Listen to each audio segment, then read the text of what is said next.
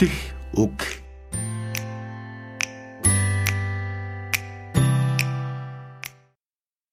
За, үлдэх үг подкастны маань өнөөдрийн зочин залуу орчуулагч Бат сайхны сувд дулан байгаа. За, сувдаа маань бол тагтаа авилын газрын орчуулагч. За, тэгээд та бүхэн Ян Мартлийн зохиол Пигийн амьдрал, за мөн Францын зохиол Франсуаз Саганы сайн уу гуниг маань бичлэр мааны орчуулгуудаар нь сайн санах баха. Тэгээд юуны өмнө сувдаа дашин оны минь төргий. Танд шинэ нэм төргий. За тэгээд өөрийгөө яг манай сонсогчдод танилцуулаач уншигчд гэж хэлэх гээд байна. Сонсогчдод аль нутгийн за тий аль сургууль төгсөн ямар мэрэгчлээ яаж яваад энэ уран зохиолын орчуулагч болчихваа тий. Ярил нэлээ урт хөл болгох л та. Аа би Говьлтай аймагт төрсэн. Говьлтай аймгийн шаргасан яриад. Тэгээд Говьлтай аймгийн 10 жилийн 2 дугаар сургуулийг 2007 онд төгсөөд тэгээд хүмүүнлэгийн ухааны их сургуулийн англи орос хэлний багшид багшийн мэрэгчлэр төгссөн 2011 онд. Аа тэгээд ерөнхийдөө бол тухайд багш болох шийдвэрийг манай ээж л гаргасан л та. Багш болох гэдэг ер нь хэлний багш зүгээр гэд. Гэтэ би яг ээжийн тэр зөвлөгөөнд одоо бол яг баярлаж л явдаг. Яг одоо миний одоо хоолоод олж байгаа хэрэгслэл хэл л байгаа. Тийм. Тэгээд яг го сургуулаа сурч байгаа хавцтай болохоор багшийн мэрэгчлэрийг нөгөө дадлах хийж байхдаа би яг ажиллаад нэг тийм аз жаргалтай байж чадахгүй мэнэ гэдэг ерөөдөө ойлгоцсон. Тэгээд сургуулаа төгсчөөд миний нөгөө их сургуульд хичээл орж исэн багш маань миний хамгийн хайртай багш маань санхүүдийн сэмдэд сургууль хөтөлбөр эрхлэгчээр шилжээд явцсан байсан л та. Намайг төгсгөөд тэгээд багш маань намайг хамт ажиллая гэд. Тэгээд нөгөө би ерөөсөө ямар ажил хийхээ ч төсөөлгүй зур багштай хамт ажиллах л надад айгуу гоё юусэн. Тэгээд ерөөсөө ямар ч ажил хийсэн яах вэ гэж ерөөсөө яваад очсон. Тэгээд нөгөө хэлний одоо багшаа төгсчээд шал өөр газар очиж байгаа байхгүй юу. Тэгээд тэнд болохоор яг хамтарсан болоо солилцооны хөтөлбөр гэдэг. Хоёр дээр нэмэх нь хоёр гээд. Тэгээд тэр хөтөлбөрт 4 жилээ багшийнхаа дэргээд ажилласан. Тэгээд тэнд тэгээд ажиллаж байгаа хэвцээ л багшаасаа маш их юм сурч авсан л та. Тэгээд яг нэг өөрийгөө хайгаал яваад байсан л та юу хийвэл одоо ажилдаа яг дуртай байсан гэхдээ яг 100% нөгөө нэг аз жаргалтай байдал байгаагүй. Энэ миний хийх ёстой зүйл бол биш юм байна гэд 4 жил ажиллаад мэдчихэж байгаа юм л та. Тэгээд тэр үед ингээд өөрийгөө хайгаад л тэр явцад яваад л байсан. Тэгээ юу хийвэл аз жаргалтай. Тэгээ багасаа нөгөө ном унших дуртай. Тэгэл яг би хүүхд тахта боддог гэсэн гоё ном уншаал цалиа авдаг ажилтай болго мөн гоё гэх.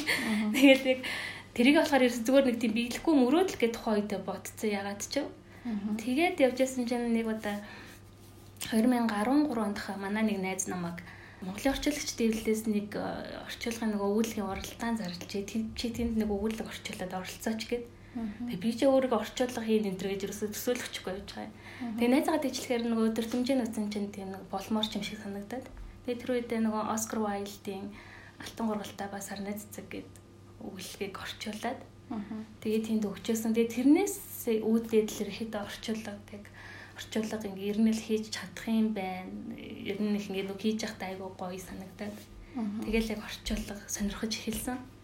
Аа тэгээд санхуд ажиллаж байгаа. Тэгээ 4 жил ажиллаад 2015 онд яг ерөөхдөө ингээд ажиллаа солих цаг болцсон юм байна. Одоо ингээд яг одоо номныхон чиглэлээр те ном одоо ном уншаад цалиа авна гэдэг чинь тийм бүтэхгүй мөрөдлөөсөө биш юм байна гэдгийг ойлгосон л та. Номтой холбоотой янз бүрийн ажил хийж болж чинь те орчуулагч ажиллаж чинь редактор байж болж чинь одоо өөр ч гэдэг. Юмны нэг хугацаа л гэж байдсан шүү. Тэр 4 жил магадгүй нөгөө нэг чи ийм юм хийх гэсэн хүн бишээ гэдгийг ойлгуулах зүгээр 4 жил байсан юм шиг. Одоо би бол алдсан хугацаа гэж юусэн харамсдаггүй. Тэгээд тийж явж байгаа. Тэр үед яг нөгөө Монсодор хэвлэлийн газар орчуулагч редактор ажилтаа өгнө гэсэн зар байсан. Тэгээд тэр зарын шалгаар болохоор яг надад төгссөн байхгүй. Англи хэлтэй. Тэгээд ном зохиол сонирхдаг. Ерөөсөө шалгаар нь аягүй товч тодорхой. Тэгээд тэнд шалгуулаад тэнцээд тэгээд жил 6 сар бол тийм редактороор ажилласан. Тэгээд редактор ажиллах хугацаа бол нэг 20 ном орчуулгын хариуцлагатай техник редактор хийсэн. Тэгээд а хоёр ном хамтраа орчуулсан. Гэтэ яг уран зохиолын бус ном л доо. Ямар ном? А нөгөө Дека гэдэг агуу санааг инженеэр танилцуулгоо тэр цувралын утга зохиол гэдэг цувралыг орчуулсан. Тэгээд нэг нь болохоор Julie Andrews гэдэг эмэгтэй одоо гидс гэдэг эрүүл мэндийн холбогдлолтой гидсний хоол усруулах хэрэгтний тогтолцооны холбоотой ном орчуулсан. Тэгээд ерөөхдөө бол би болохоор өөрөө уран зохиолтой илүү сонирхолтой гаддаг. Тэгээд надад тэнд болохоор нөгөө уран зохиолын орчуулга их боломж гаргаагүй байхгүй юу. Ерөөхдөө бас тийм боломж ингээл хайгаад л лсэн л та. Тэгээд Монсодортой жил 6 сар ажиллаад тэндээс гараад нэг хэсэг яг ажилгаас очиж үзсэн. Бараг 6 сар орчим. Тэгээд сууж агаад 3 сард илүү тагтаагаас нөгөө юу зарлсан юм орчуулгын орчуулгын оролтаа тий. Орчуулга. Яруу найраг тий. Залуу зохиолчдыг дэмжих тий. Тэгээ тэр үед болохоор яг юу яасан? Би яг тэр зарыг олж хараад л чинь маргааш нь гинт нөгөө говьлтаар явуулчихдаг байхгүй манай нөгөө эмээгийн би чилэрхээ тэгээ жоохон яралтай дуудагдаад уг нь яг энд оролцсон гэж бодцоод бүр үйл энтрээ сонгоцсон. Нөгөө рэбрэд бүр бөглийг орчуулъя гэж шууд бодцсон байж байгаад Тэгээд нөгөө яралтай хугацаа тулсан болохоор нөгөө алтаар явахгүй юм хүмүүс цуглуулад явж байгаа нь хевлүүлж авч амжааг байхгүй нөгөө өгөл өгн хевлүүлээд хөдөө авчиг бодчихсон. Тэгээд за за өнгөрлөд гэж тэл явсан. Яваад 4 сарын 10-аар ирдэг лөө. Тэрсэн чинь нөгөө хугацаанд баг дуусч идэг байхгүй. Тэгээд амжаагүй өнгөрцөн. Тэгсэн чинь яг нөгөө 7 хоног сонгоцсон байхгүй юу? Аа тийм тийм. Тэгээд тий хугацаагийн сунгаад тий тэрийн бас нэг хэд хоногийн дараа баг мэдчихэж байгаа юм уу? Дөхүүлээд мэдээд. Тэгээд мэдээд за зөрөөсөө орчуулъя гэдэг яг хагас тэ сайн суугаад орчуулчихсан. Тэгээд бүтэн сайны 12 цагт нөгөө хугацаа нь хаах байсан. Тэгээд би баг 11:30 мөч гээл орчуул дуусаал. Тэгээд нэг хянж уушаал нэг 5 минутын өмнө л явуулчихсан. Ray Bradbury-гийн Африкийн онгон тал тий тийм давчин хугацаанд орчуулад тэгээд явуулсан гэхэд бол айгу сайн өгүүлэг басна. Дээрээс нэлээ урт өгүүлэг байсан шүү дээ. Тийм. 20-од нүүр. Тий 20-од нүүр тий. Тэгээд тэрнээс үүдээд л яг тагтаад байгаа. Одоо яг нэг яг мөрөөдөл бизнес гэж болно л да. Яг уран зохиолын ном орчуулах. За тэгээд тэр оролдоон чинь 4 сард зохиогчсэн гэдэг чинь одоо ингээд 8 сарын дотор арга 2 ч ном гаргачлаа шүү дээ тий. Ерөнхийдөө тэгээд санхүү эдийн засагт ч юм уу ингээд эсвэл оюутан байхдаа ч юм уу номтой хэр ойр байсан бэ? Номтой бол ерөөсөө уншигч байгаа ойр л ойр л байгаад байсан л да. Уншаал ажлынхаа ерөөсөө чөлөөт цаг бол ерөнхийдөө номтой л холбогддог. Тийм нийгмийн идэх энэ төр бол жоохон тааруу. Тэгээд ер нь бол гэртээ ном уншаад яг 10 жилийн хүүхд тахтай ч тийм оюутан багтай ч гэсэн ерөнхийдөө тийм ирэх бол номтой л өнгөрсөн л дээ. Аа. Тий. Номоос бол ерөөсөө ч холдоогүй. Аа. Багт ч н одоо сургуульд чинь ч юм уу уран зохиолын амтанд ороход нөлөөлсөн багш ч юм уу гэр бүлийн хүн ч юм уу би би юу. Манай ээж уран зохиолын багш. Тий. Монгол хэл уран зохиолын багш. Тэгээд нөгөө нэг хүүхд яг нэг орчноо хараад өсдөг. Тэгээд ээж дандаа ном уншиж нүдэнд харагддаг. Тэгэл нөгөө нэг уншиж сурснаас хойш ирэхэд өөр ирэхгүй л нөгөө номонд татагдал орцсон. Тэгээ би яг нөгөө юу сандын яг уншид сурсны дараахан нэгдүгээр анги төгс мөкс байсан юм лөө. Тэг юу манад нөгөө явуулангийн төвөр идэг. Тэг тэн дээрээс нөгөө тхийн зогсоол хур зогсны дүүл хоёрыг гаргаж ирээлээ амирх уншдаг гэсэн. Тэр хоёрыг бүр хамгийн бүх шүлгэн уншиж үзчихлээсэн л да. Тэгээд тэр хоёрыг бүр хамгийн уншдаг. Тэгээд яг тэр ууцууд ингээ халтардаж малтардсан. Тэгээд бийждэг гэсэн. Тэгээд тэгжил шүлэг шүлгэнд одоо дурлал тэгээд цаа цааш та нөгөө ном илүү ном уншиж эхлэв. Тэгэл яг хүүхдийн ч мэдээж үлгэрийн номоос л хамжиж ирнэ эхэлсэн. Орос ардын үлгэрүүд айгүйх уншаал. Орон орны үйл номоор тэгээд орон орны үлгэр гээл Монгол ардын үлгэрэл нэг тийм номдод их байдаг гэсэн. Тэд нарыг уншаал. Тэгжэл ном яа. Би ч бас өөрөө нэг говалтайхтай говалтай төвдөр сурч байсан. Тэгэхээр танаа сургуульчин болон 2 дугаар 10 жил чинь Лада дамбын нэрмжлэж яадаг тий. Тэгэхээр бол их зохиолч нэрнт энэ жил Лада дамбгоо бас 100 жил 100 жил яваа тохиож байна тий. Тэгээд тэгэхээр бас энэ 100 жил яваа нэрмжит сургуулиас нь төгссөн хүүхэд ингээд утга зохиолын ертөнцид бас ингээд чамгүй амжилттай явж байгаа нь бас тухайн одоо ойд барьж байгаа бол бэлэг гэж амж алгархаг үзлээ. Харж ин л та. Тийм би багад юу гавалтай сурдаг багт нөгөө орон нутгийн музейд очиод тэгээ тэнд нөгөө нэг Лада дамбгаан гэр музей гэдэг нэг өрөөнд нь. Тэнд нь ингээд нэг орон нутгийн музей чинь баг хөнгүүгээр ерөөсөө тий ороход баг зөрүүдийн гав ганцаараа үзээ явдаг шүү дээ. Тэгээд яг тэр Лада дамбгаа өрөөнд ороод төгөлтөр хуурын дарж үзээ. Би бас тэрэн дээр нь хэртэж үзээл. Төгөлтөр хуур нөгөө дарж болохгүй гэдэг байсан шүү дээ. Тэгээд дарчаа зүгтааж үзсэн. төгөлдөр уурын дарж үзээд орон дээр нь хэвдэж үзээд өршөөс нэг зохиолч болно гэж өөрөө мэдрээд ш. Тэгээл шилэн хоргонд үзгэн байдаг. Тэгэл тэр үзгийг ингээд алзаархаж хараад айгу тэгдэг байсан. Тэгээ танаа сургууль хэдэн оноос ладаа дан байна нэрмжтэй болсон юм. Угаасаа тийм байсан юм уу? Би яг тэр он энтрийг бол мэдгүй намайг явуулсан сургуульд ороход л одоо би нэрмжтэй байсан л та. Тэгэл анаас аль тийм байсан юм байна. За тэгвэл энэ жил бас ой тохиож байгаа сайхан үйл явдал болж байгаа юм байна.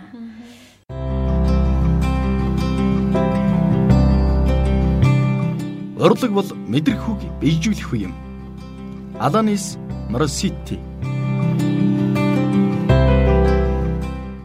Суудагийн маань яг нөгөө уран зохиолын бие даасан томоохон бүтээлүүлээ харахгүй хамгийн анх орчуулсан пигийн амьдрал те. Ян Мартлийн. Тэгээ энэ зохиолынхаа тухай яриачтай орчуулахад хэр хүндрэлтэй байсан. Ер нь энэ зохиол нь ямар хөө онцлогтой зохиол. Анхны ном тэгээд орчуулгад бол нэг тийм хүндрэл нь гайгүй байсан л та. Яг гоо жоохон хүндрэлтэй юм нь юу вэ гэхээр нөгөө даалаа их гардаг. Тэгээд монголчин даалаагүй орон болохоор яг даалаатай холбоотой үг хэллэг ч юм уу. Эсвэл нөгөө амтны үрэлэн бас төлхөө ордуулахаар янз бүрийн Монголд бас байдаггүй. Өмнө нь нэр оноож байгаагүй ч юм уу амтд энэ төр гардаг хаяадаас нэг эмэрсэр ургамлын нэр энэ төр гарч ирнэ. Тийм тэднэрт жоохон нэр мэр онооход ч юм уу. Тэр тал дээр л жоохон бодох, юм хүм хайх, унших тэр зүйл гарч исэн. Тэрнээс яг нөгөө яамарт мартл болохоор өөрөө ингээд айгу богино өгүүлбэр өгүүлбэрээр бичдэг. Тийм энгийн бичлэгтэй. Тийм урт норсон өгүүлбэр ч юм уу тийм өгүүлбэрээр нэх багтай. Яг гоо би орчуулахдаа тухайн зохиолчийнхаа нөгөө хев маягийн хадгалгууднаас тийм богноор бичсэн байгааг нь ерөөхдөө богноор нь орчуулад явсан л та. Одоо богноор бичсний нийлүүлээ ч юм уу яхаа монгол хэлээр илүү яа гэвэл нийлүүлээд орчуулж болно л та. Хэдэн ч өгүүлбэрийг нийлүүлчихэд болохоор юм л та. Гэтэ тэгэхээр нөгөө цаа зохиолчийнхаа одоо бичлэгийн хев маягийг алдчих гад байгаа юм шиг санагдаад. Би яг тэр талыг илүү барьдаг. Цаа зохиолч нь одоо урт өгүүлбэр хийсэн бол болох тэрийг таслахгүй уртаар нь болгох ч юм уу те. Богнохон байвал ерөөдөө тэрийг богноор нь болгоо авчил илүү. Цаа зохиолч гамчлалын хэм маягийг буулгах үндсэн дээрээс тэгээд нөгөө тийм богино өгүүлбэрүүдтэй ч юм уу болохоор тийм хэцүү юм бол ер нь гайгүй яг шашны ойлголтууд нэлээд байсан. Гэтэ би өмнө нөгөө Мастерт нэг шашин гэдэг номон дээр ажиллаж байсан л та. Тэр Тикагийн нөгөө цуврал Тийм болохоор бас ерөөхдөө шний ойлголтууд нь бас хамаагүй гайгүй байсан. Аа. Тийм. Энд шашин ислам шашин буддизм ялан хиндуизм гэдэг тий. Христийн хиндуизм. Ян Мартл э, Монголд бол анх удаа орчуулагдж байгаа зохиолч тий. Тэгээ ерөөхдөө бол зохиол мань өөр 2020 онд төлөө тий мен мен Booker Prize авчихсан маш нэлээд алдартай. За тэгээд Анли гээд Азийн том найруулагч кино хийж гисэн тий. Монголчуудын хувьд нэлээд танил болчихсон. Тий киноор нь илүү танил. Тий. За нөгөө нэг далаад бартай гээд тэр ном мөнөөл гэж асуудаг. Тэр ном мөнөөл гэж асуудаг тий. Киноноос хэр зөрүүтэй байсан бэ уншаад орчуулаад. Киноноос зөрүүтэй. Кино бол ерөөхдөө их товчхон штэ. Ерөөхдөө гол үйл явдал нь л одоо далаа дээр нэг бартаа үлдсэн тэндээс хэрхэн аим гарах уу гэдэг тийм үйл явдал дээр нь төрүүлсэн болохоос яг мэдээч юм философийн ойлголтуудыг кинон дээр гаргана гэдэг бол ер нь хүнд штэ тийм. Тэгээд яам ардл маань өөрөө болохоор философч мэрэгчлээ болохоор ерөөхдөө гүн ухааны тийм философи эргцүүлэл энэ төр айгуу их байдаг. Тэгээд тийм хүмүүс болохоор зөвхөн киногоор нь төсөөлөд нэг тийм адал явдалтай номоор ерөөхдөө хараад идэг. Аа яг үндэ цаана нь бол тийм нэлийн гүн ухаанлаг ном байгаад байгаа юм. Нэлийн их ингээд уншихаар ингээд эргцүүлэх юм маш их гарч ирдэг. Тийм тэгээд тэр шашны талаар ч юм уу те шашин гэхэр хүмүүс яг хуу зарим нь туушраад ойлгож магадгүй л дээ. Манай энэ э, пиманыг сонио шүү дээ те. Нөгөө гурван шашин зэрэг шүтдэг. Яг тэд тэрийг болохоор яг адилхан юм чин сэтгэлээсээ шүтдэг. Тэгээ бүгдийн цаад одоо утга учрыг ойлгоод судлаад тэгээд ингээд чин сэтгэлээсээ шүтдэг. Э, шашны одоо тэр мяндагтнууд одоо тэр нэвтэрсэн хүмүүс хүртэл тэрийг хүлээн зөвшөөрч чадахгүй байхад энэ номон дээр ч гэсэн нөгөө тийм хөгжилтэй байдлаар харуулсан байдаг. Одоо нөгөө бандит э, имам санвартан гургийн хоорондын зөрчлийг те. Өөр өөрсдийнхээ шашныг хамгаалаад нөгөө шашнуудаа ингээд жоохон муучлах дорд үзэх ч юм уу те. Үл хүлэн зөвшөөрдөг штэ.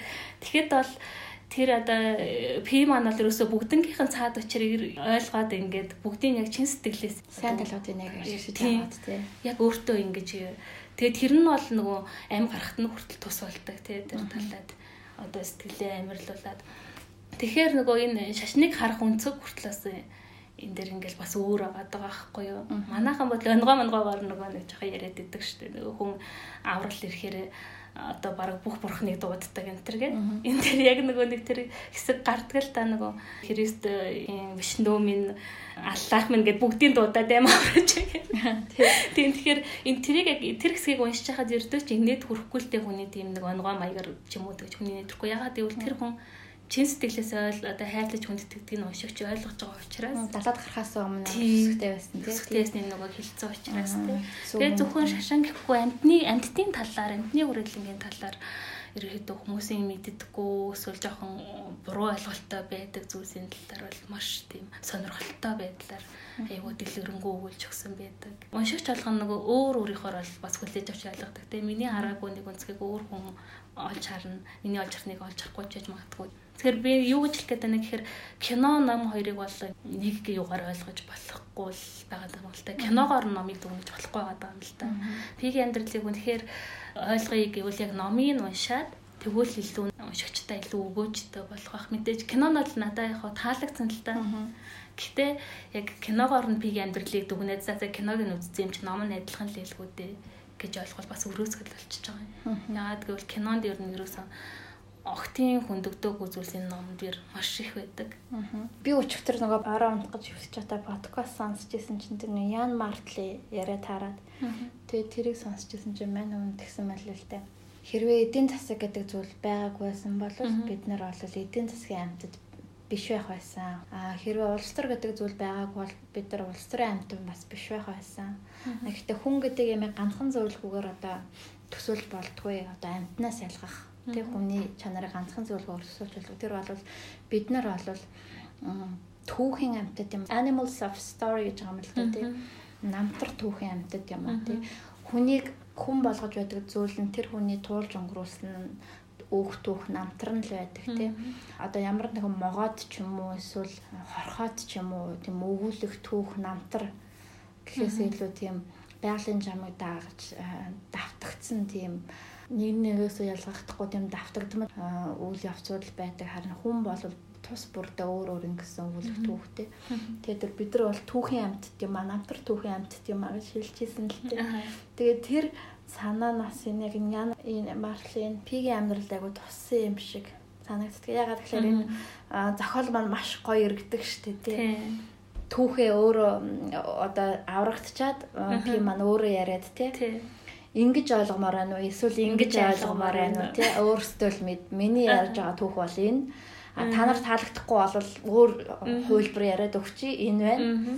За тэгээ аль нэг нь сонгомоор байна гэл тий энэ насахаар нэгдүгээр өгүүлэх түүхтэй сонголт хийлгэж чадчихээн тэ. Хоёрдугаар тус орчин үеийн басар маамчлгийн бас нэг бас модерн маамчлгийн маш гайхамшигтай нууцын дээр яваад байгаа юм л та тий яг тэр өгүүлэгдсэн түүхийн эцсийн одоо хувилбарыг уншигч өөрөө сонгодог тий.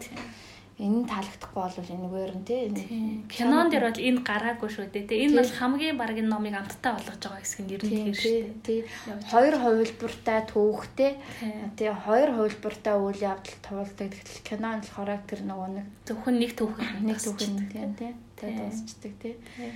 Тий. Өөр тэг ямар сонирхолтой юм ажиглагдсан Яг гоо би нөгөө юу тэгэл ингэж л боддог л да уншигч бол өөр өөрийнхөө нөгөө нэг одоо тархины хэмжээгээр ч юм уу өөр өөрийнхөө нөгөө үзэж туусан харснараа ч юм уу те мэдэрч ойлгодог.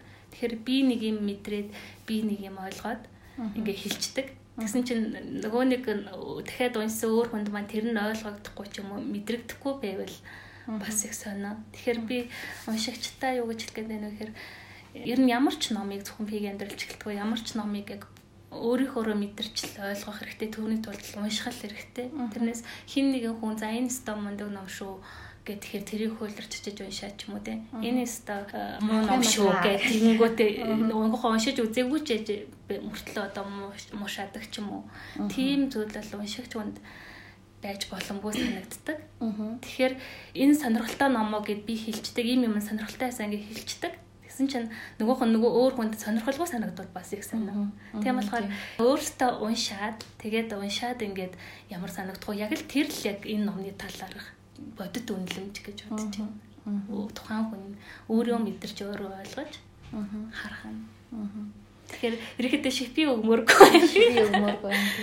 Тэгээ ямар ч ясан битэрийн хэлсэн нь бол кино нь бол зөвхөн нэг түүхээр төгсдөг ном бол харин тэр хамгийн амттай болгож байгаа хэсгийг уншиг гэвэл номоо л унших мэдээ гэвэл номоо л унших хэрэгтэй болчихж байгаа тийм бас ямар хоёр түүхийн гэдгийг ч бас битээр хэлээд юм л байна. Би бас тэр ном Ян Мартлийн за энэ пигийн амьдралыг Монголд одоо сонгож гаргаж гэдэг юм уу шийдвэрийг гаргахынхаа өмнө Ян Мартли зөндөл ярилцлагуудыг яагаад ч юм ингээ бас нэг подкастаар ингээ сонсоодсон. Тэгээ нэг их сургуулийн оюутнуудтай уулзж байгаа ярианууд нь. Тэгсэн мань хүн болохоор миний урд хожид хизээч яриаг нь сонсож байгаагүй амар философик яриатай зохиолч байсан байхгүй. Зохиолчд бол ерөөхдөө нэг тийм мэдээж ухаантай юм ярьдаг зохиолчд бийдээ эсвэл өөрөмцсөн юм. Эсвэл их бусдаас өөр онцлогтой характертай юм ярьдаг ч хүмүүс бийдээ тэгтэл Ян Мартл бол асар философик бүр гайхамшигтай философик юм яриад байсан байхгүй. Ерөөхдөө бүх ярилцлага нь. Тэгэхээр за энийг ингээд зохиолчийн хувьд ингээд сонирхолтой фигур юм байна. Энэ яриад байгаа юм а зохиолуудад яаж тусгаж өгч чадсан гэдгийг судлах хэрэгтэй юм байна гэж эхлээд тэр Ян Мартлыг судалж эхэлж ирсэн. Тэгэхэд бол яг харахгүй тэр яриад байгаа юмтайгаа дүүцгээр юм хийж авдаг хүн болж харагдсан л да. Тэгээд бас нэг Ян Мартлын юу нь болохоор аялагч зохиолч тий аялагч олон багасаа л ер нь тэгээ нэг аав нь нөгөө их сургуулиудад э, багшлаг хотын удаа амжаад улс дамжаа тэгээ дараа нь дипломат албанд томилогдоод ерөнхийдөө багасаа л тийм нөгөө нүүдэлчин амьдралаар амьдэрсэн. Тэгээ ол тэгээ баг залуугаас их аялцсан тэр хэмжээгээр нүдэн нэгдсэн. Тийм л хүн л. Олон соёлд айгуу тийм хүлээцтэй хүндэтгэлтэй хандаж чаддаг нь тэр шашныг үзэх үзлээр нь дамжин гэлж байгаа тийм хиндүү шашинд тэр христийн шашин тэр исламын шашин ч гэсэн юм юм сайхан талууд байна. Ингээд чинхүү цаатлын зорилго нь бол адилхан байхад ингээд хөргөлдөөд байх хэрэг байна уу ч гэдэг юм уу тийм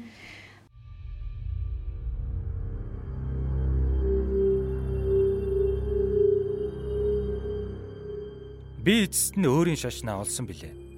Ном миний шашин Номын сан миний сүм хийд болсон. Жан Пол Сартр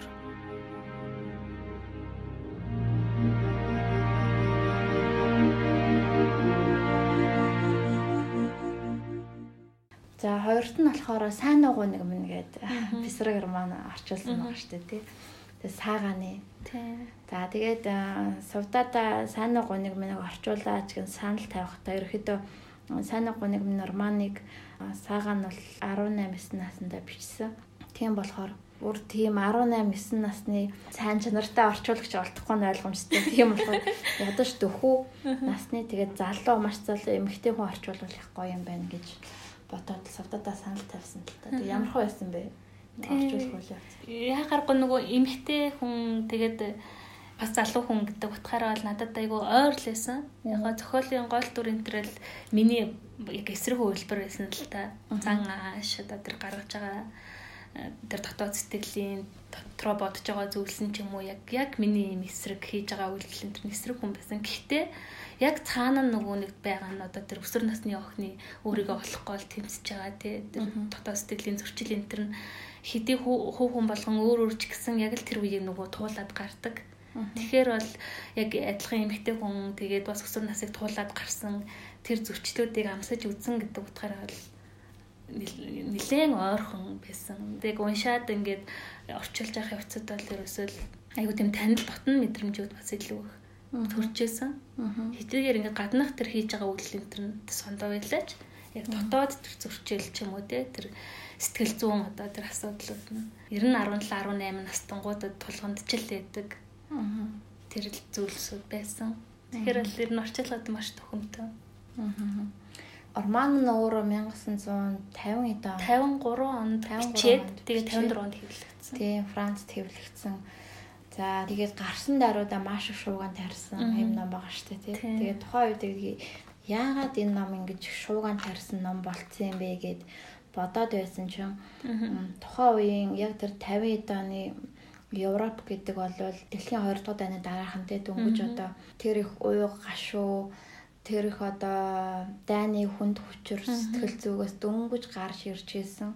Аа тийм болохоор шашны нөлөө нь бас маш их хүчтэй. Автцсан. Тийм хүчтэй одоо өмнө нь мэдээж бас нэг христийн шашинд орон байсан л байлгүй яг Европууд те орнууд байсан л байлгүй яг. Тэгтээ нөгөө нэг тэр хүнд хүчээр юмныг ингээд туулж байхад түшиж туулах ганц юмнуудаа бурхан ч юм уу шашин ч юм уу байсан байж магадгүй. Тэгээд үндэснийхээ хувьд олоо туулсан тэр хүнд хүчээр зүйлсийг нь одоо хамгаалж үзсэн бурхан шашин итгэл үнэмшил нэлээд хүчтэй магадгүй жаахан сарниж байсан бол эргээд жаахан сэргэх тийшээ ансан сүм хэдийн тийм нөлөө ийм байсан үед гинт тийм чөлөө тэмхтэн хөөрнөлтэй.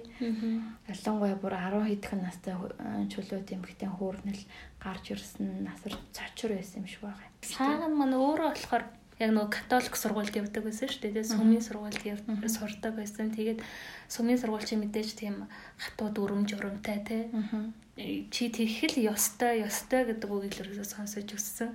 Тэгээ өөрөө бол нэлээд тийм тэрслүү байсан байгаа юм л та. Тэр болгоныг ерөөсөө дотроо хүлэн зөвшөөрдөггүй мэн хүмүүс унших дуртай. Тэгээд Камюг, Прустиг ч юм уу, Стендалыг ч юм уу уншдаг.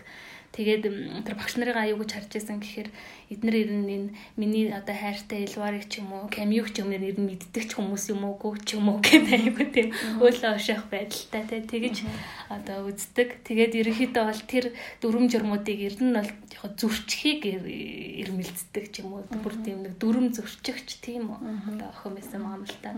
Тэгээд ерөөсөө энэ Сесил одоо энэ Германы гол дүр Сесил саагн хоёрыг бол салгаж ойлгох юмарч одоо аргагүй Мань хүн яг зориудаар өөрийнхөө дүрийг гаргаагүй ч гэсэн яг өөр ирэхгүй л тэр өөрийнх нь одоо зам байдал, өөрийнх нь үзэл бодол өөр ирэхгүй тусгагдсан байгаа юм тийм. Тэгэхээр өөрөө бас туршлагатай бичиж байгаагүй шүү дээ. Тэгээд 18 настай. Өөрөө 18 настай. Тэгээд 17 настай охины тухай дүрийг өөрөөсөө салгаж бичих тийм ямар ч аргагүй л аргагүй тийм тийм туршлагач байгаагүй байх л та. Тийм. Тэгээд нөгөө тийм чинэлэг айлын охин те. Одоо аав нь томоохон пүүсийн захирал тэгээд ээж нь бол одоо нөгөө үе дамжсан газрын эзний охин. Тэгээд ерөнхийдөө бол ингээд дутагдах гачигдах юм юу ч байхгүй. Тэгээд минь хүн уг нь бол нөгөө их сургуульд орох гээд эхний шалгалтанд уунаад тэгээд нөгөө хоёр дахь шалгалтаа өгөх гээд Сорбоныг сургуульд орох гээд яг нөгөө далайн эрэг дээр аав ээжийнхэн харшид нөгөө шалгалтандаа л бэлдэж байсан байгаа юм л даа. Тэгээ бэлдэж байхдаа минь хүн шалгалтандаа бэлдэхийн орон зохиолч байсан учраас. Тэгээ ерөөс энэ сайн гоны хүнийг бол 2-оос 3 сарын хугацаанд битсэн. Тэгээ өдөрт 2-оос 3 цаг л ажилладаг гэсэн гэж байгаа. Тэгээд ийм хэмжээний ярман бичнэ гэдэг бол яхахгүй бас төрөлхийн тийм төрлөх суу авьяас байгаад байна л төгөрт нь. Тийм. Тэгэл тийм цэнхэр дэвтэртэйсэн гэж байгаа маа уг нь дасгал ажлын дэвтэр биш байна. Тэгээ тэн дээр л зохиолоо бичээл сууж байдаг. Тэгээд тэгээ дуус шалгалт нь бэлдэж явах хугацаанд шалгалтанд бэлдэж байгаа охины тухай хормон бичсэн биз дээ. Тийм. Тэгэл нөгөө биччихэд 3 хэвлэлийн газар руу илгээсэн юм билээ. Тэгээд э, нэгнийх нь одоо эрхлэгч нь уншаад бол өстой маш их цочордсон. Тэгээ мэнхайга зохиолоо биччихэд нэрээ бичээд насаа бичээд явуулцах 18 настай. Гэт тэгэнгүүт чинь нөгөө 18 настай хүүхд ийм юм бичнэ гэхэр чинь бүр ялангуяа тэр нөгөө түрүү нийгмийн байдал ямар хэснийг ярьсан тий. Тэгээд нэлээд тийм ил задгай байдлаар бичсэн зохиолыг тэгээд бүр наст бид хүрсэн хүн чинь 18 настай охин бичсэн гэхээр бас маш их сонирхлын татсан юм л та. Тэгээд өглөө 11 цагийн үед залгасан гинэлдэг гэрлүүн Тэгсэн чинь одоо гэрээ үйлчлэгч нь уцаа аваад авхаа унтчихна гэд. Ерөөсөө тийм л хариу өгсөн. Тэгээд яг хаа мэдээж дахиж холбогдоод тэгээд ерөөхдөө номын хевлэе гэд. Тэгээд тухайн жилдээ хевлэгдээл ерөөсөө Францын нийгмийн дөргөө гол яг тэр жилдээ 350 мянган хуваарлагдсан гэдэг лөө. Тэгээд дараа жилээс нь Америкт хэвлэгдээд тэгэл ерөөсөө дэлхийд даяар төгссөн тийм л. Тэгээд нөгөө хөвлийн газар очиод гэрээ их гэхэлэр насан туршиг хүүхэдтэй гэрээ ихгүй аав ээжийнхаа тий харгалцлагаар гэрээсэн тий тэгээд тэгээ нөгөө яг жинхэнэ нэр нь л одоо Франсуаз Куэре гэд тий. Куэре гэд тий. Тэгээд нөгөө манайхан чинь нэрээ нэрээс олох хэрэгтэй нөгөө пен нэм гэж ярьдаг штэ тий. Тим нэр авахын тулд тий уран бүтээлийн нэр авахын тулд яг нөгөө хайртай зохиолч нь бол одоо Марсел Пруст. Тэгээ Прустийн алдагтан цагийн эрэлт романы дүр. Принцесстэй саагны нэрийг аваад. Тэгээд өсөө бүтээлээ. сагаан болсон тий. За за за тийм тийм намтар түүх нь бол хөөрхөн. Тэгээд гинт арман амжилтаа болоод баян дээрээ баян болоод өөрийн гэсэн асар их мөнгөтэй болоод тэгээл ерөөсө ягор унж дахиад фронтаар хөндлөн гулд те. Тэгээл сайхан шоудаал ягор унж давхсан л эмхтэй болсон шүү дээ те. Ягор унж явж байгаад осолд орсон би. Тэгээ бүр комментарт ороод. Тэгэхээр тэгэж хашрааг байна. Тийм тэгээ хүний юу сонин шүү. Одоо миний зохиолчдын зөв мөн их сонин байгаад байдаг тийм. Тэр Аннагийн тэр нэг нэг үйл явдал тийм. Асалд орж байгаа үйл явдал өөрийнх нь амьдрал тохиолдсон байдаг шүү дээ тийм. Яг вартаа давхиж явж байгаад өөрөө асалдсан байдаг тийм. За тийм сонин хувь тавилан ч гэсэн их сонь. Хувийн амьдралын тухайд л яг зохиол бүтээч гэдэг юм мандан гэдэл цаагүй тий. Жохон тийм гонигтай ер нь түүхтэй. Сүүлдээ бүр өрөнд орж тий гав ганцаар ууд болсон байт. Би тэгээд боддгийг яг нөгөө нэг сил ингээл орондоо орчаал өдрийн цагаар нэг л их жаргалтай хүн тий ингээл э, баяр хөөртэй үдчлэг зингүү эсвэл наргид зугаалал ингээ явж яадаг хүн шүний шин орондоо ороод нэг юм яг тэр гоник гиг мэдэрдэг. Тэгэхээр магадгүй саахан ч гэсэн насны эцэст яг тийм яг л тэр орондоо орчоол тэр гонгийг мэдэрдэг ч байсан юм лөө гэж бодохоор надаа надаа бас маш их гонигтай яг санагдчихсан байна. Яг өөртөө гэр бүл би болохтой ч гэсэн маш эрхчлөөтэй л хандсан хүн байл л дээ. Тэгээ баг 2 3 хоёр нөхөртэй альбас цар суусан хоёр нөхөр гэж байгаа. Тэгээ бас олон эмэгтэйчүүдтэй хамтарч амьдарч сонио амьдарч. Ер нь дур соргоор оч гэх юм уу тийм. Тэгээ миний өөрийн одоо зохион бүтээсэн гэр бүл гэж хөөхөө гэр бүлийг тодорхойлдог тийм бүтээсэн байлээ. Тэгээд насны бүсэнд бол тэгээ гав ганцаараа. Тэгээд нэлийн анх юуны өөр ширэнд орчл тийм үртэл нас орсон. Тэгээ нас орсон. Тийм гэтээ яг хэдий тийм одоо байсан ч гэсэн зохиол бүтээл бол хаяагүй ерөөсөө 20 армаа битсэн тийм л шүү. Тэгээд хоёр гэлөө өгүүлгийн төвөр яг бүр өгүүлгийн төвөр гаргаж яасан. Тэгээд одоо намтар ном биччихсэн. Дээрээс нь одоо нөгөө нэг өөрийнхөө одоо хайртай хүмүүс ч юм уу те дуртай зүйлсийн талаар ингээд тийм дурсамж хэлбэрээр номнуудаас зөндөө биччихсэн. Гэхдээ бас уран бүтээлийн хувьд бол ер нь 20 армаа бичнэ гэдэг чинь бол тий асар хөдөлмөрчл хүн одоо 20 армаа бичиж нэг conspiracy theory яад байдаг л энэ сайн уу нэг мэн чинь эрэгтэй хүн бичээд тэгээд зүгээр нэг 18 та охин гэ зүгээр энэ хүн нэг жоохон охины нэр тавиад төлөвлөсөн юм шүү. Цаана бол туршлагатай эрэгтэй бичиж байгаа юм биш үү гэд тий тэгээд тийм хардлага айгүйх яваад байдаг. Тэгтэл хэрвээ үнэхээр тийм байсан бол энэ хүн цаашаагаа тий юу ч бичиж чадахгүй байх байсан тий Тэгтэл одоо 20 гаруй энэ төр бичээд тэгээ ингээд амжилттай зохиолчийн карьертэй явж исэн юм хүн байгаа. Тэгээ харахгүй Францын уншигчд бол энэ сайн гоник минь гэдэг энэ зохиолоор нь одоо бас илүү сайн дурсаж үлдсэн юм шиг байна. Тэгээд фэнүүдийнх нь комментиг харж байхад нөгөө нэг цаана өөр хүн байгаа гэсэн юм дэл айгүй адарч босч үрж хамгаалдаг тий.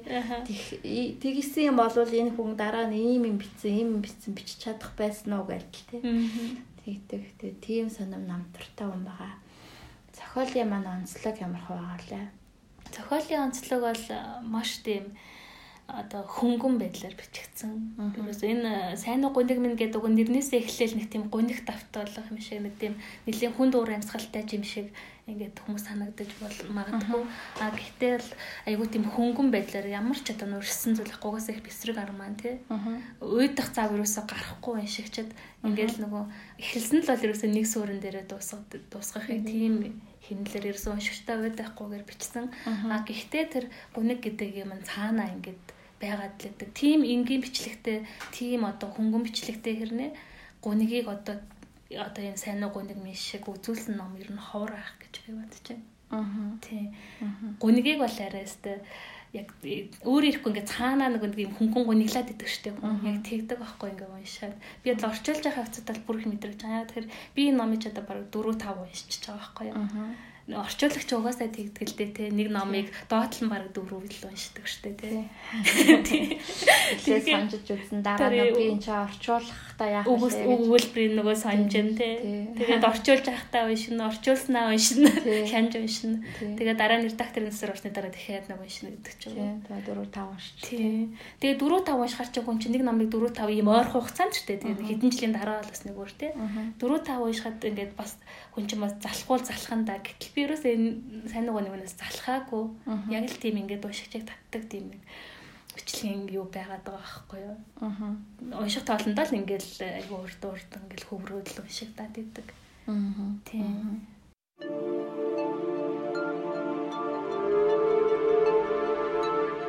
Зугаацах гэж, сургамж авах гэж, мундаг болох гэж бүү унш. Амьдрах гэж унш. Густав Флавер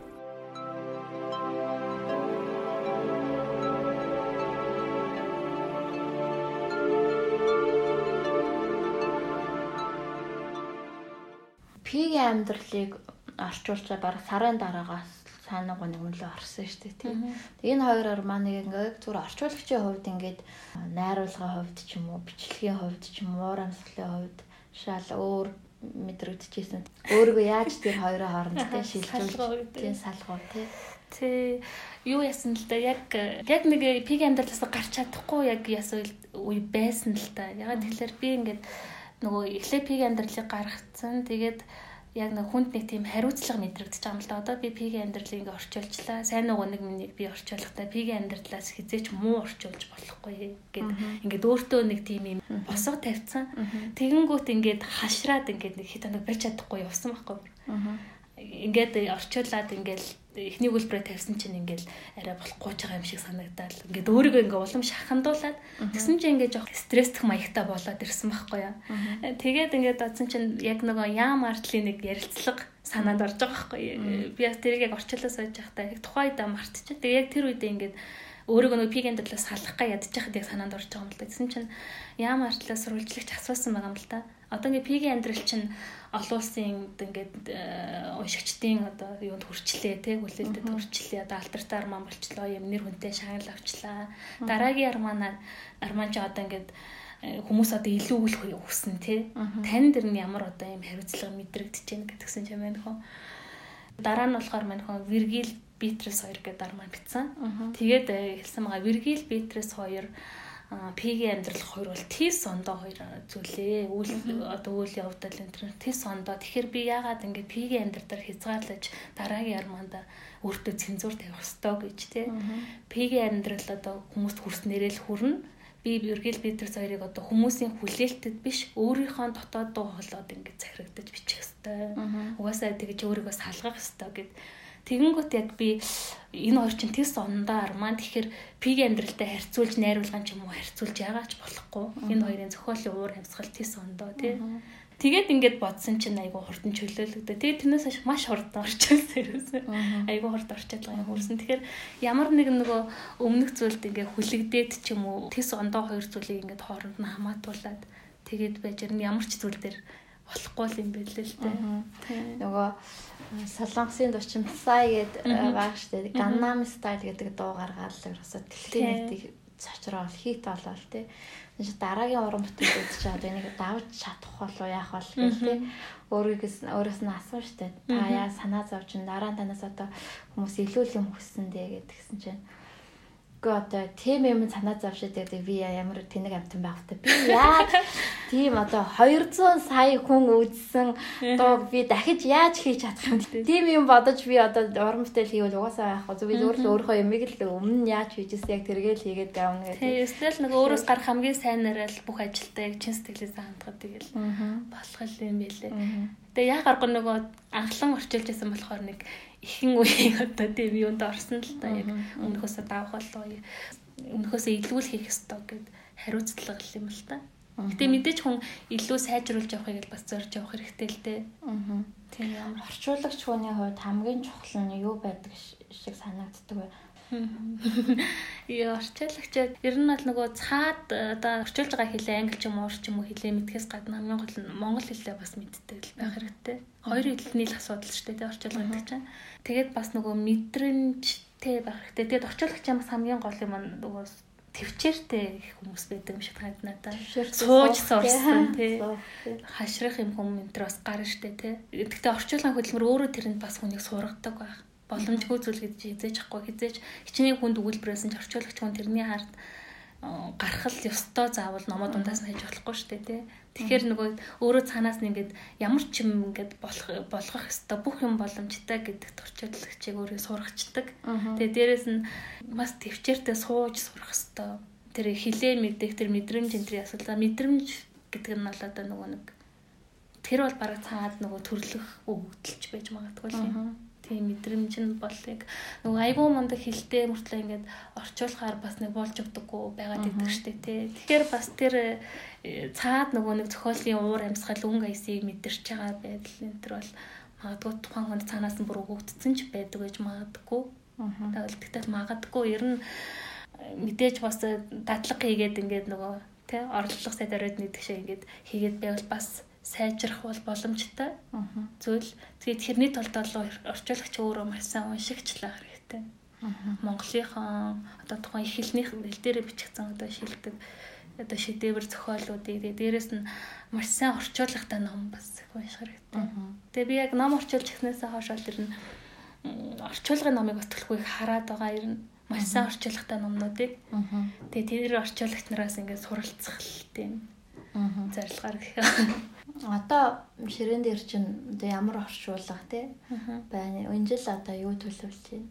Одоо бол Нобелийн шагнал зохиолч Орхон Памукийн намтар ном тий Стамбул дурсамж хат. Тий дурсамж хат гэж. Тэгээд яг орчуулгын явц үргэлжлээд л явж байна да. Аа. Тийм тэгээ Орхон Памукийн намыг одоо орчуулж авах хэвчэд орчуулагчийн хувьд бол яг би их надад их одоо нэг үр өгөөжтэй байх болов гэж бодож байна. Ягаад гэхээр Орхон хамаг бол маш урт урт өгүүлбэрээр ингэж бичдэг. Миний одоо өмнө орчуулсан энэ хоёр ном маань сааган ялгаагүй маш маш богино өгүүлбэрүүдээр бичдэг. Тэгээд э, одоо л Орхон хамаг бол тийс ондоо болчихж байгаа ингээд. Тэгээд дээрэс нь намтар ном учраас уран зохиолын номоос бас арай өөр.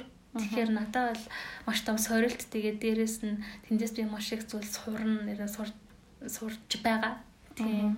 Тэгээ урт урт өгүүлбэрүүдийг аль болох тухайн юуг нь алдагдуулахгүй л явахыг хичээж байгаа. Аа. Тэгээ одоо ингээд харахаар суудаа бол Канад зохиолч, тэгээ дараа нь Франц зохиолч, тэгээ одоо Турк зохиолч гэсэн тий. Тэгээ энэ хооронд соёлын ялгаа ч юм уу, тэгээ эсвэл одоо нэг бичлэгийн ялгаа энэ төр харагдчих нь уур амьсгалын ч юм уу.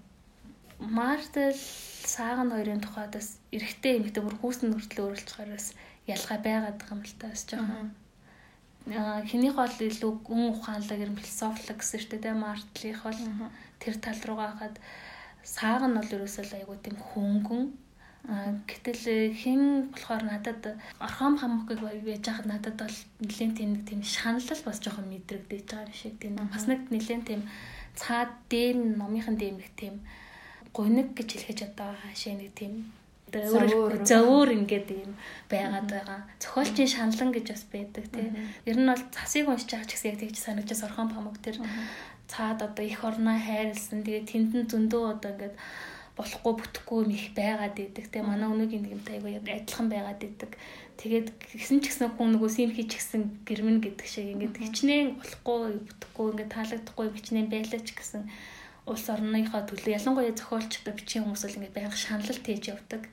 Тэгэхээр Орхон Памук бол тийм шаналлаа ингээд номондоо их ялангуяа энэ Стамбулда ч гэсэн илүү гаргацсан юм шиг надад яг тийм бичлэгийн маяг дээр нь тэгж анзаарагдаад. Зовөр шаналлан цаагаар ингээд байгаад байна. Буулгах юм шүү дээ. Бид нарыг анх тэгшээ өвтөрч юм уу орчуулаа хийж эхэлж яхад. Ерөөдөө ном орчуулж юм уу тэрний яадгийн ч гэдэг юм уу? Ямар залуу хүмүүс ээжж өөрөө хийгээч.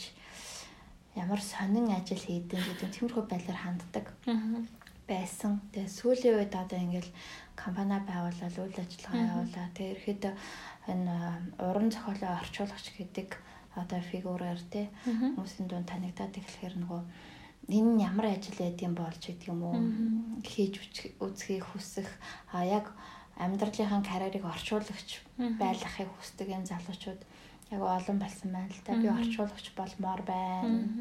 Баймар байна. Та нарыг харахаар гоё харагдчих гэдэг юм уу те.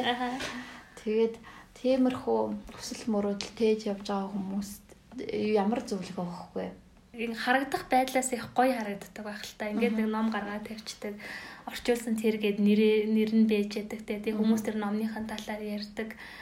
Ингээд яхаар хийж үзээгүй ч юм орчуулж үзээгүй хүмүүст их л гоё харагдаад байдаг. Тэгээ намайг би бол одоо яг зөвхөн номоо орчуулаад гэртээ сууж байгаа. Тэгээ инхээр хүмүүс ямар гоё юм бэ? Чи тийм баг жаргаж байгаа юм байна. Ямар жаргалтай юм бэ гэж харах хүмүүс бол маш их байдаг. Тэгж хэлдэг хүмүүс ч их байдаг.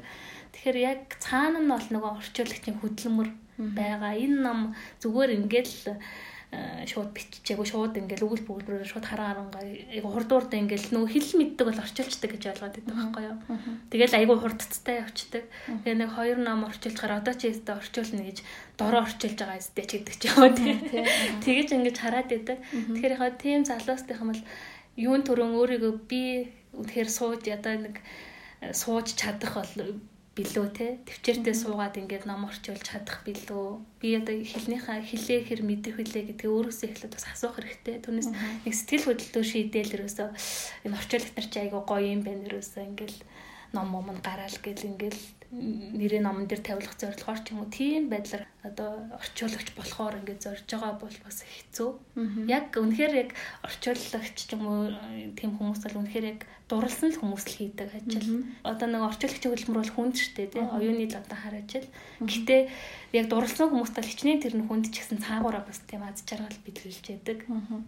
Тэр хүнд хүчрийн одоо ингээд тесэд ч юм уу те. Тэгээ тэрнээс аз жаргал би мэдэрч чадах илүү гэдгийг эхлээд өөрөөсөө асуугаад тэгээ тэр асуултанд хэрвээ тим гэж хариулж байгаа бол оролдол үзэх хэрэгтэй. Тэгээд хүн хийж ээж л угаасаа мэдэрнэ шүү дээ. Тэрнээс ингээд гаднах өнгнөөс нь хараад ямар ч юм гэр дүгнэх бол их өрөөсгөл. Судагаар нь хамгийн дуртай зохиолч, дуртай ном сэтгэлж үлдсэн ном тий. Юу вэ?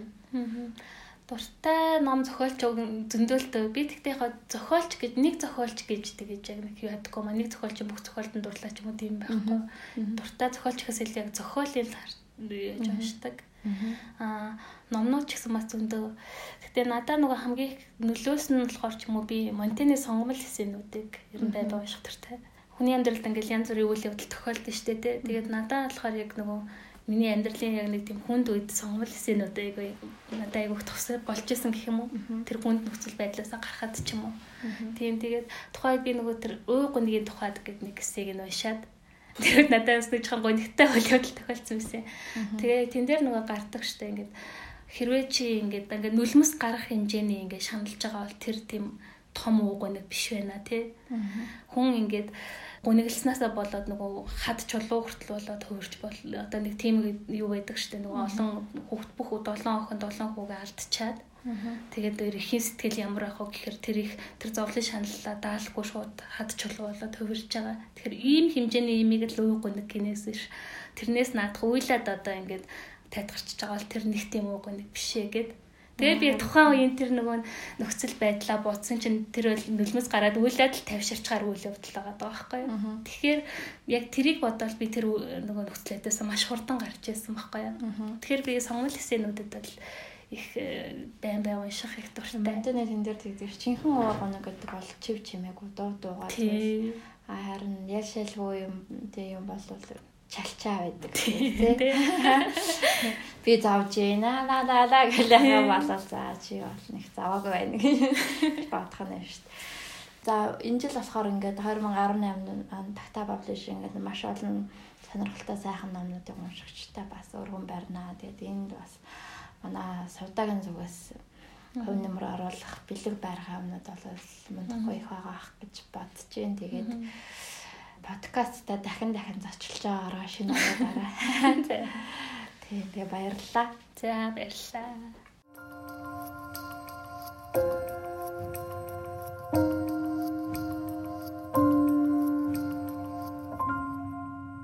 Тагта хэвлэлийн газар. Тулхтаа уншигчдийн цуглах оюуны кафе.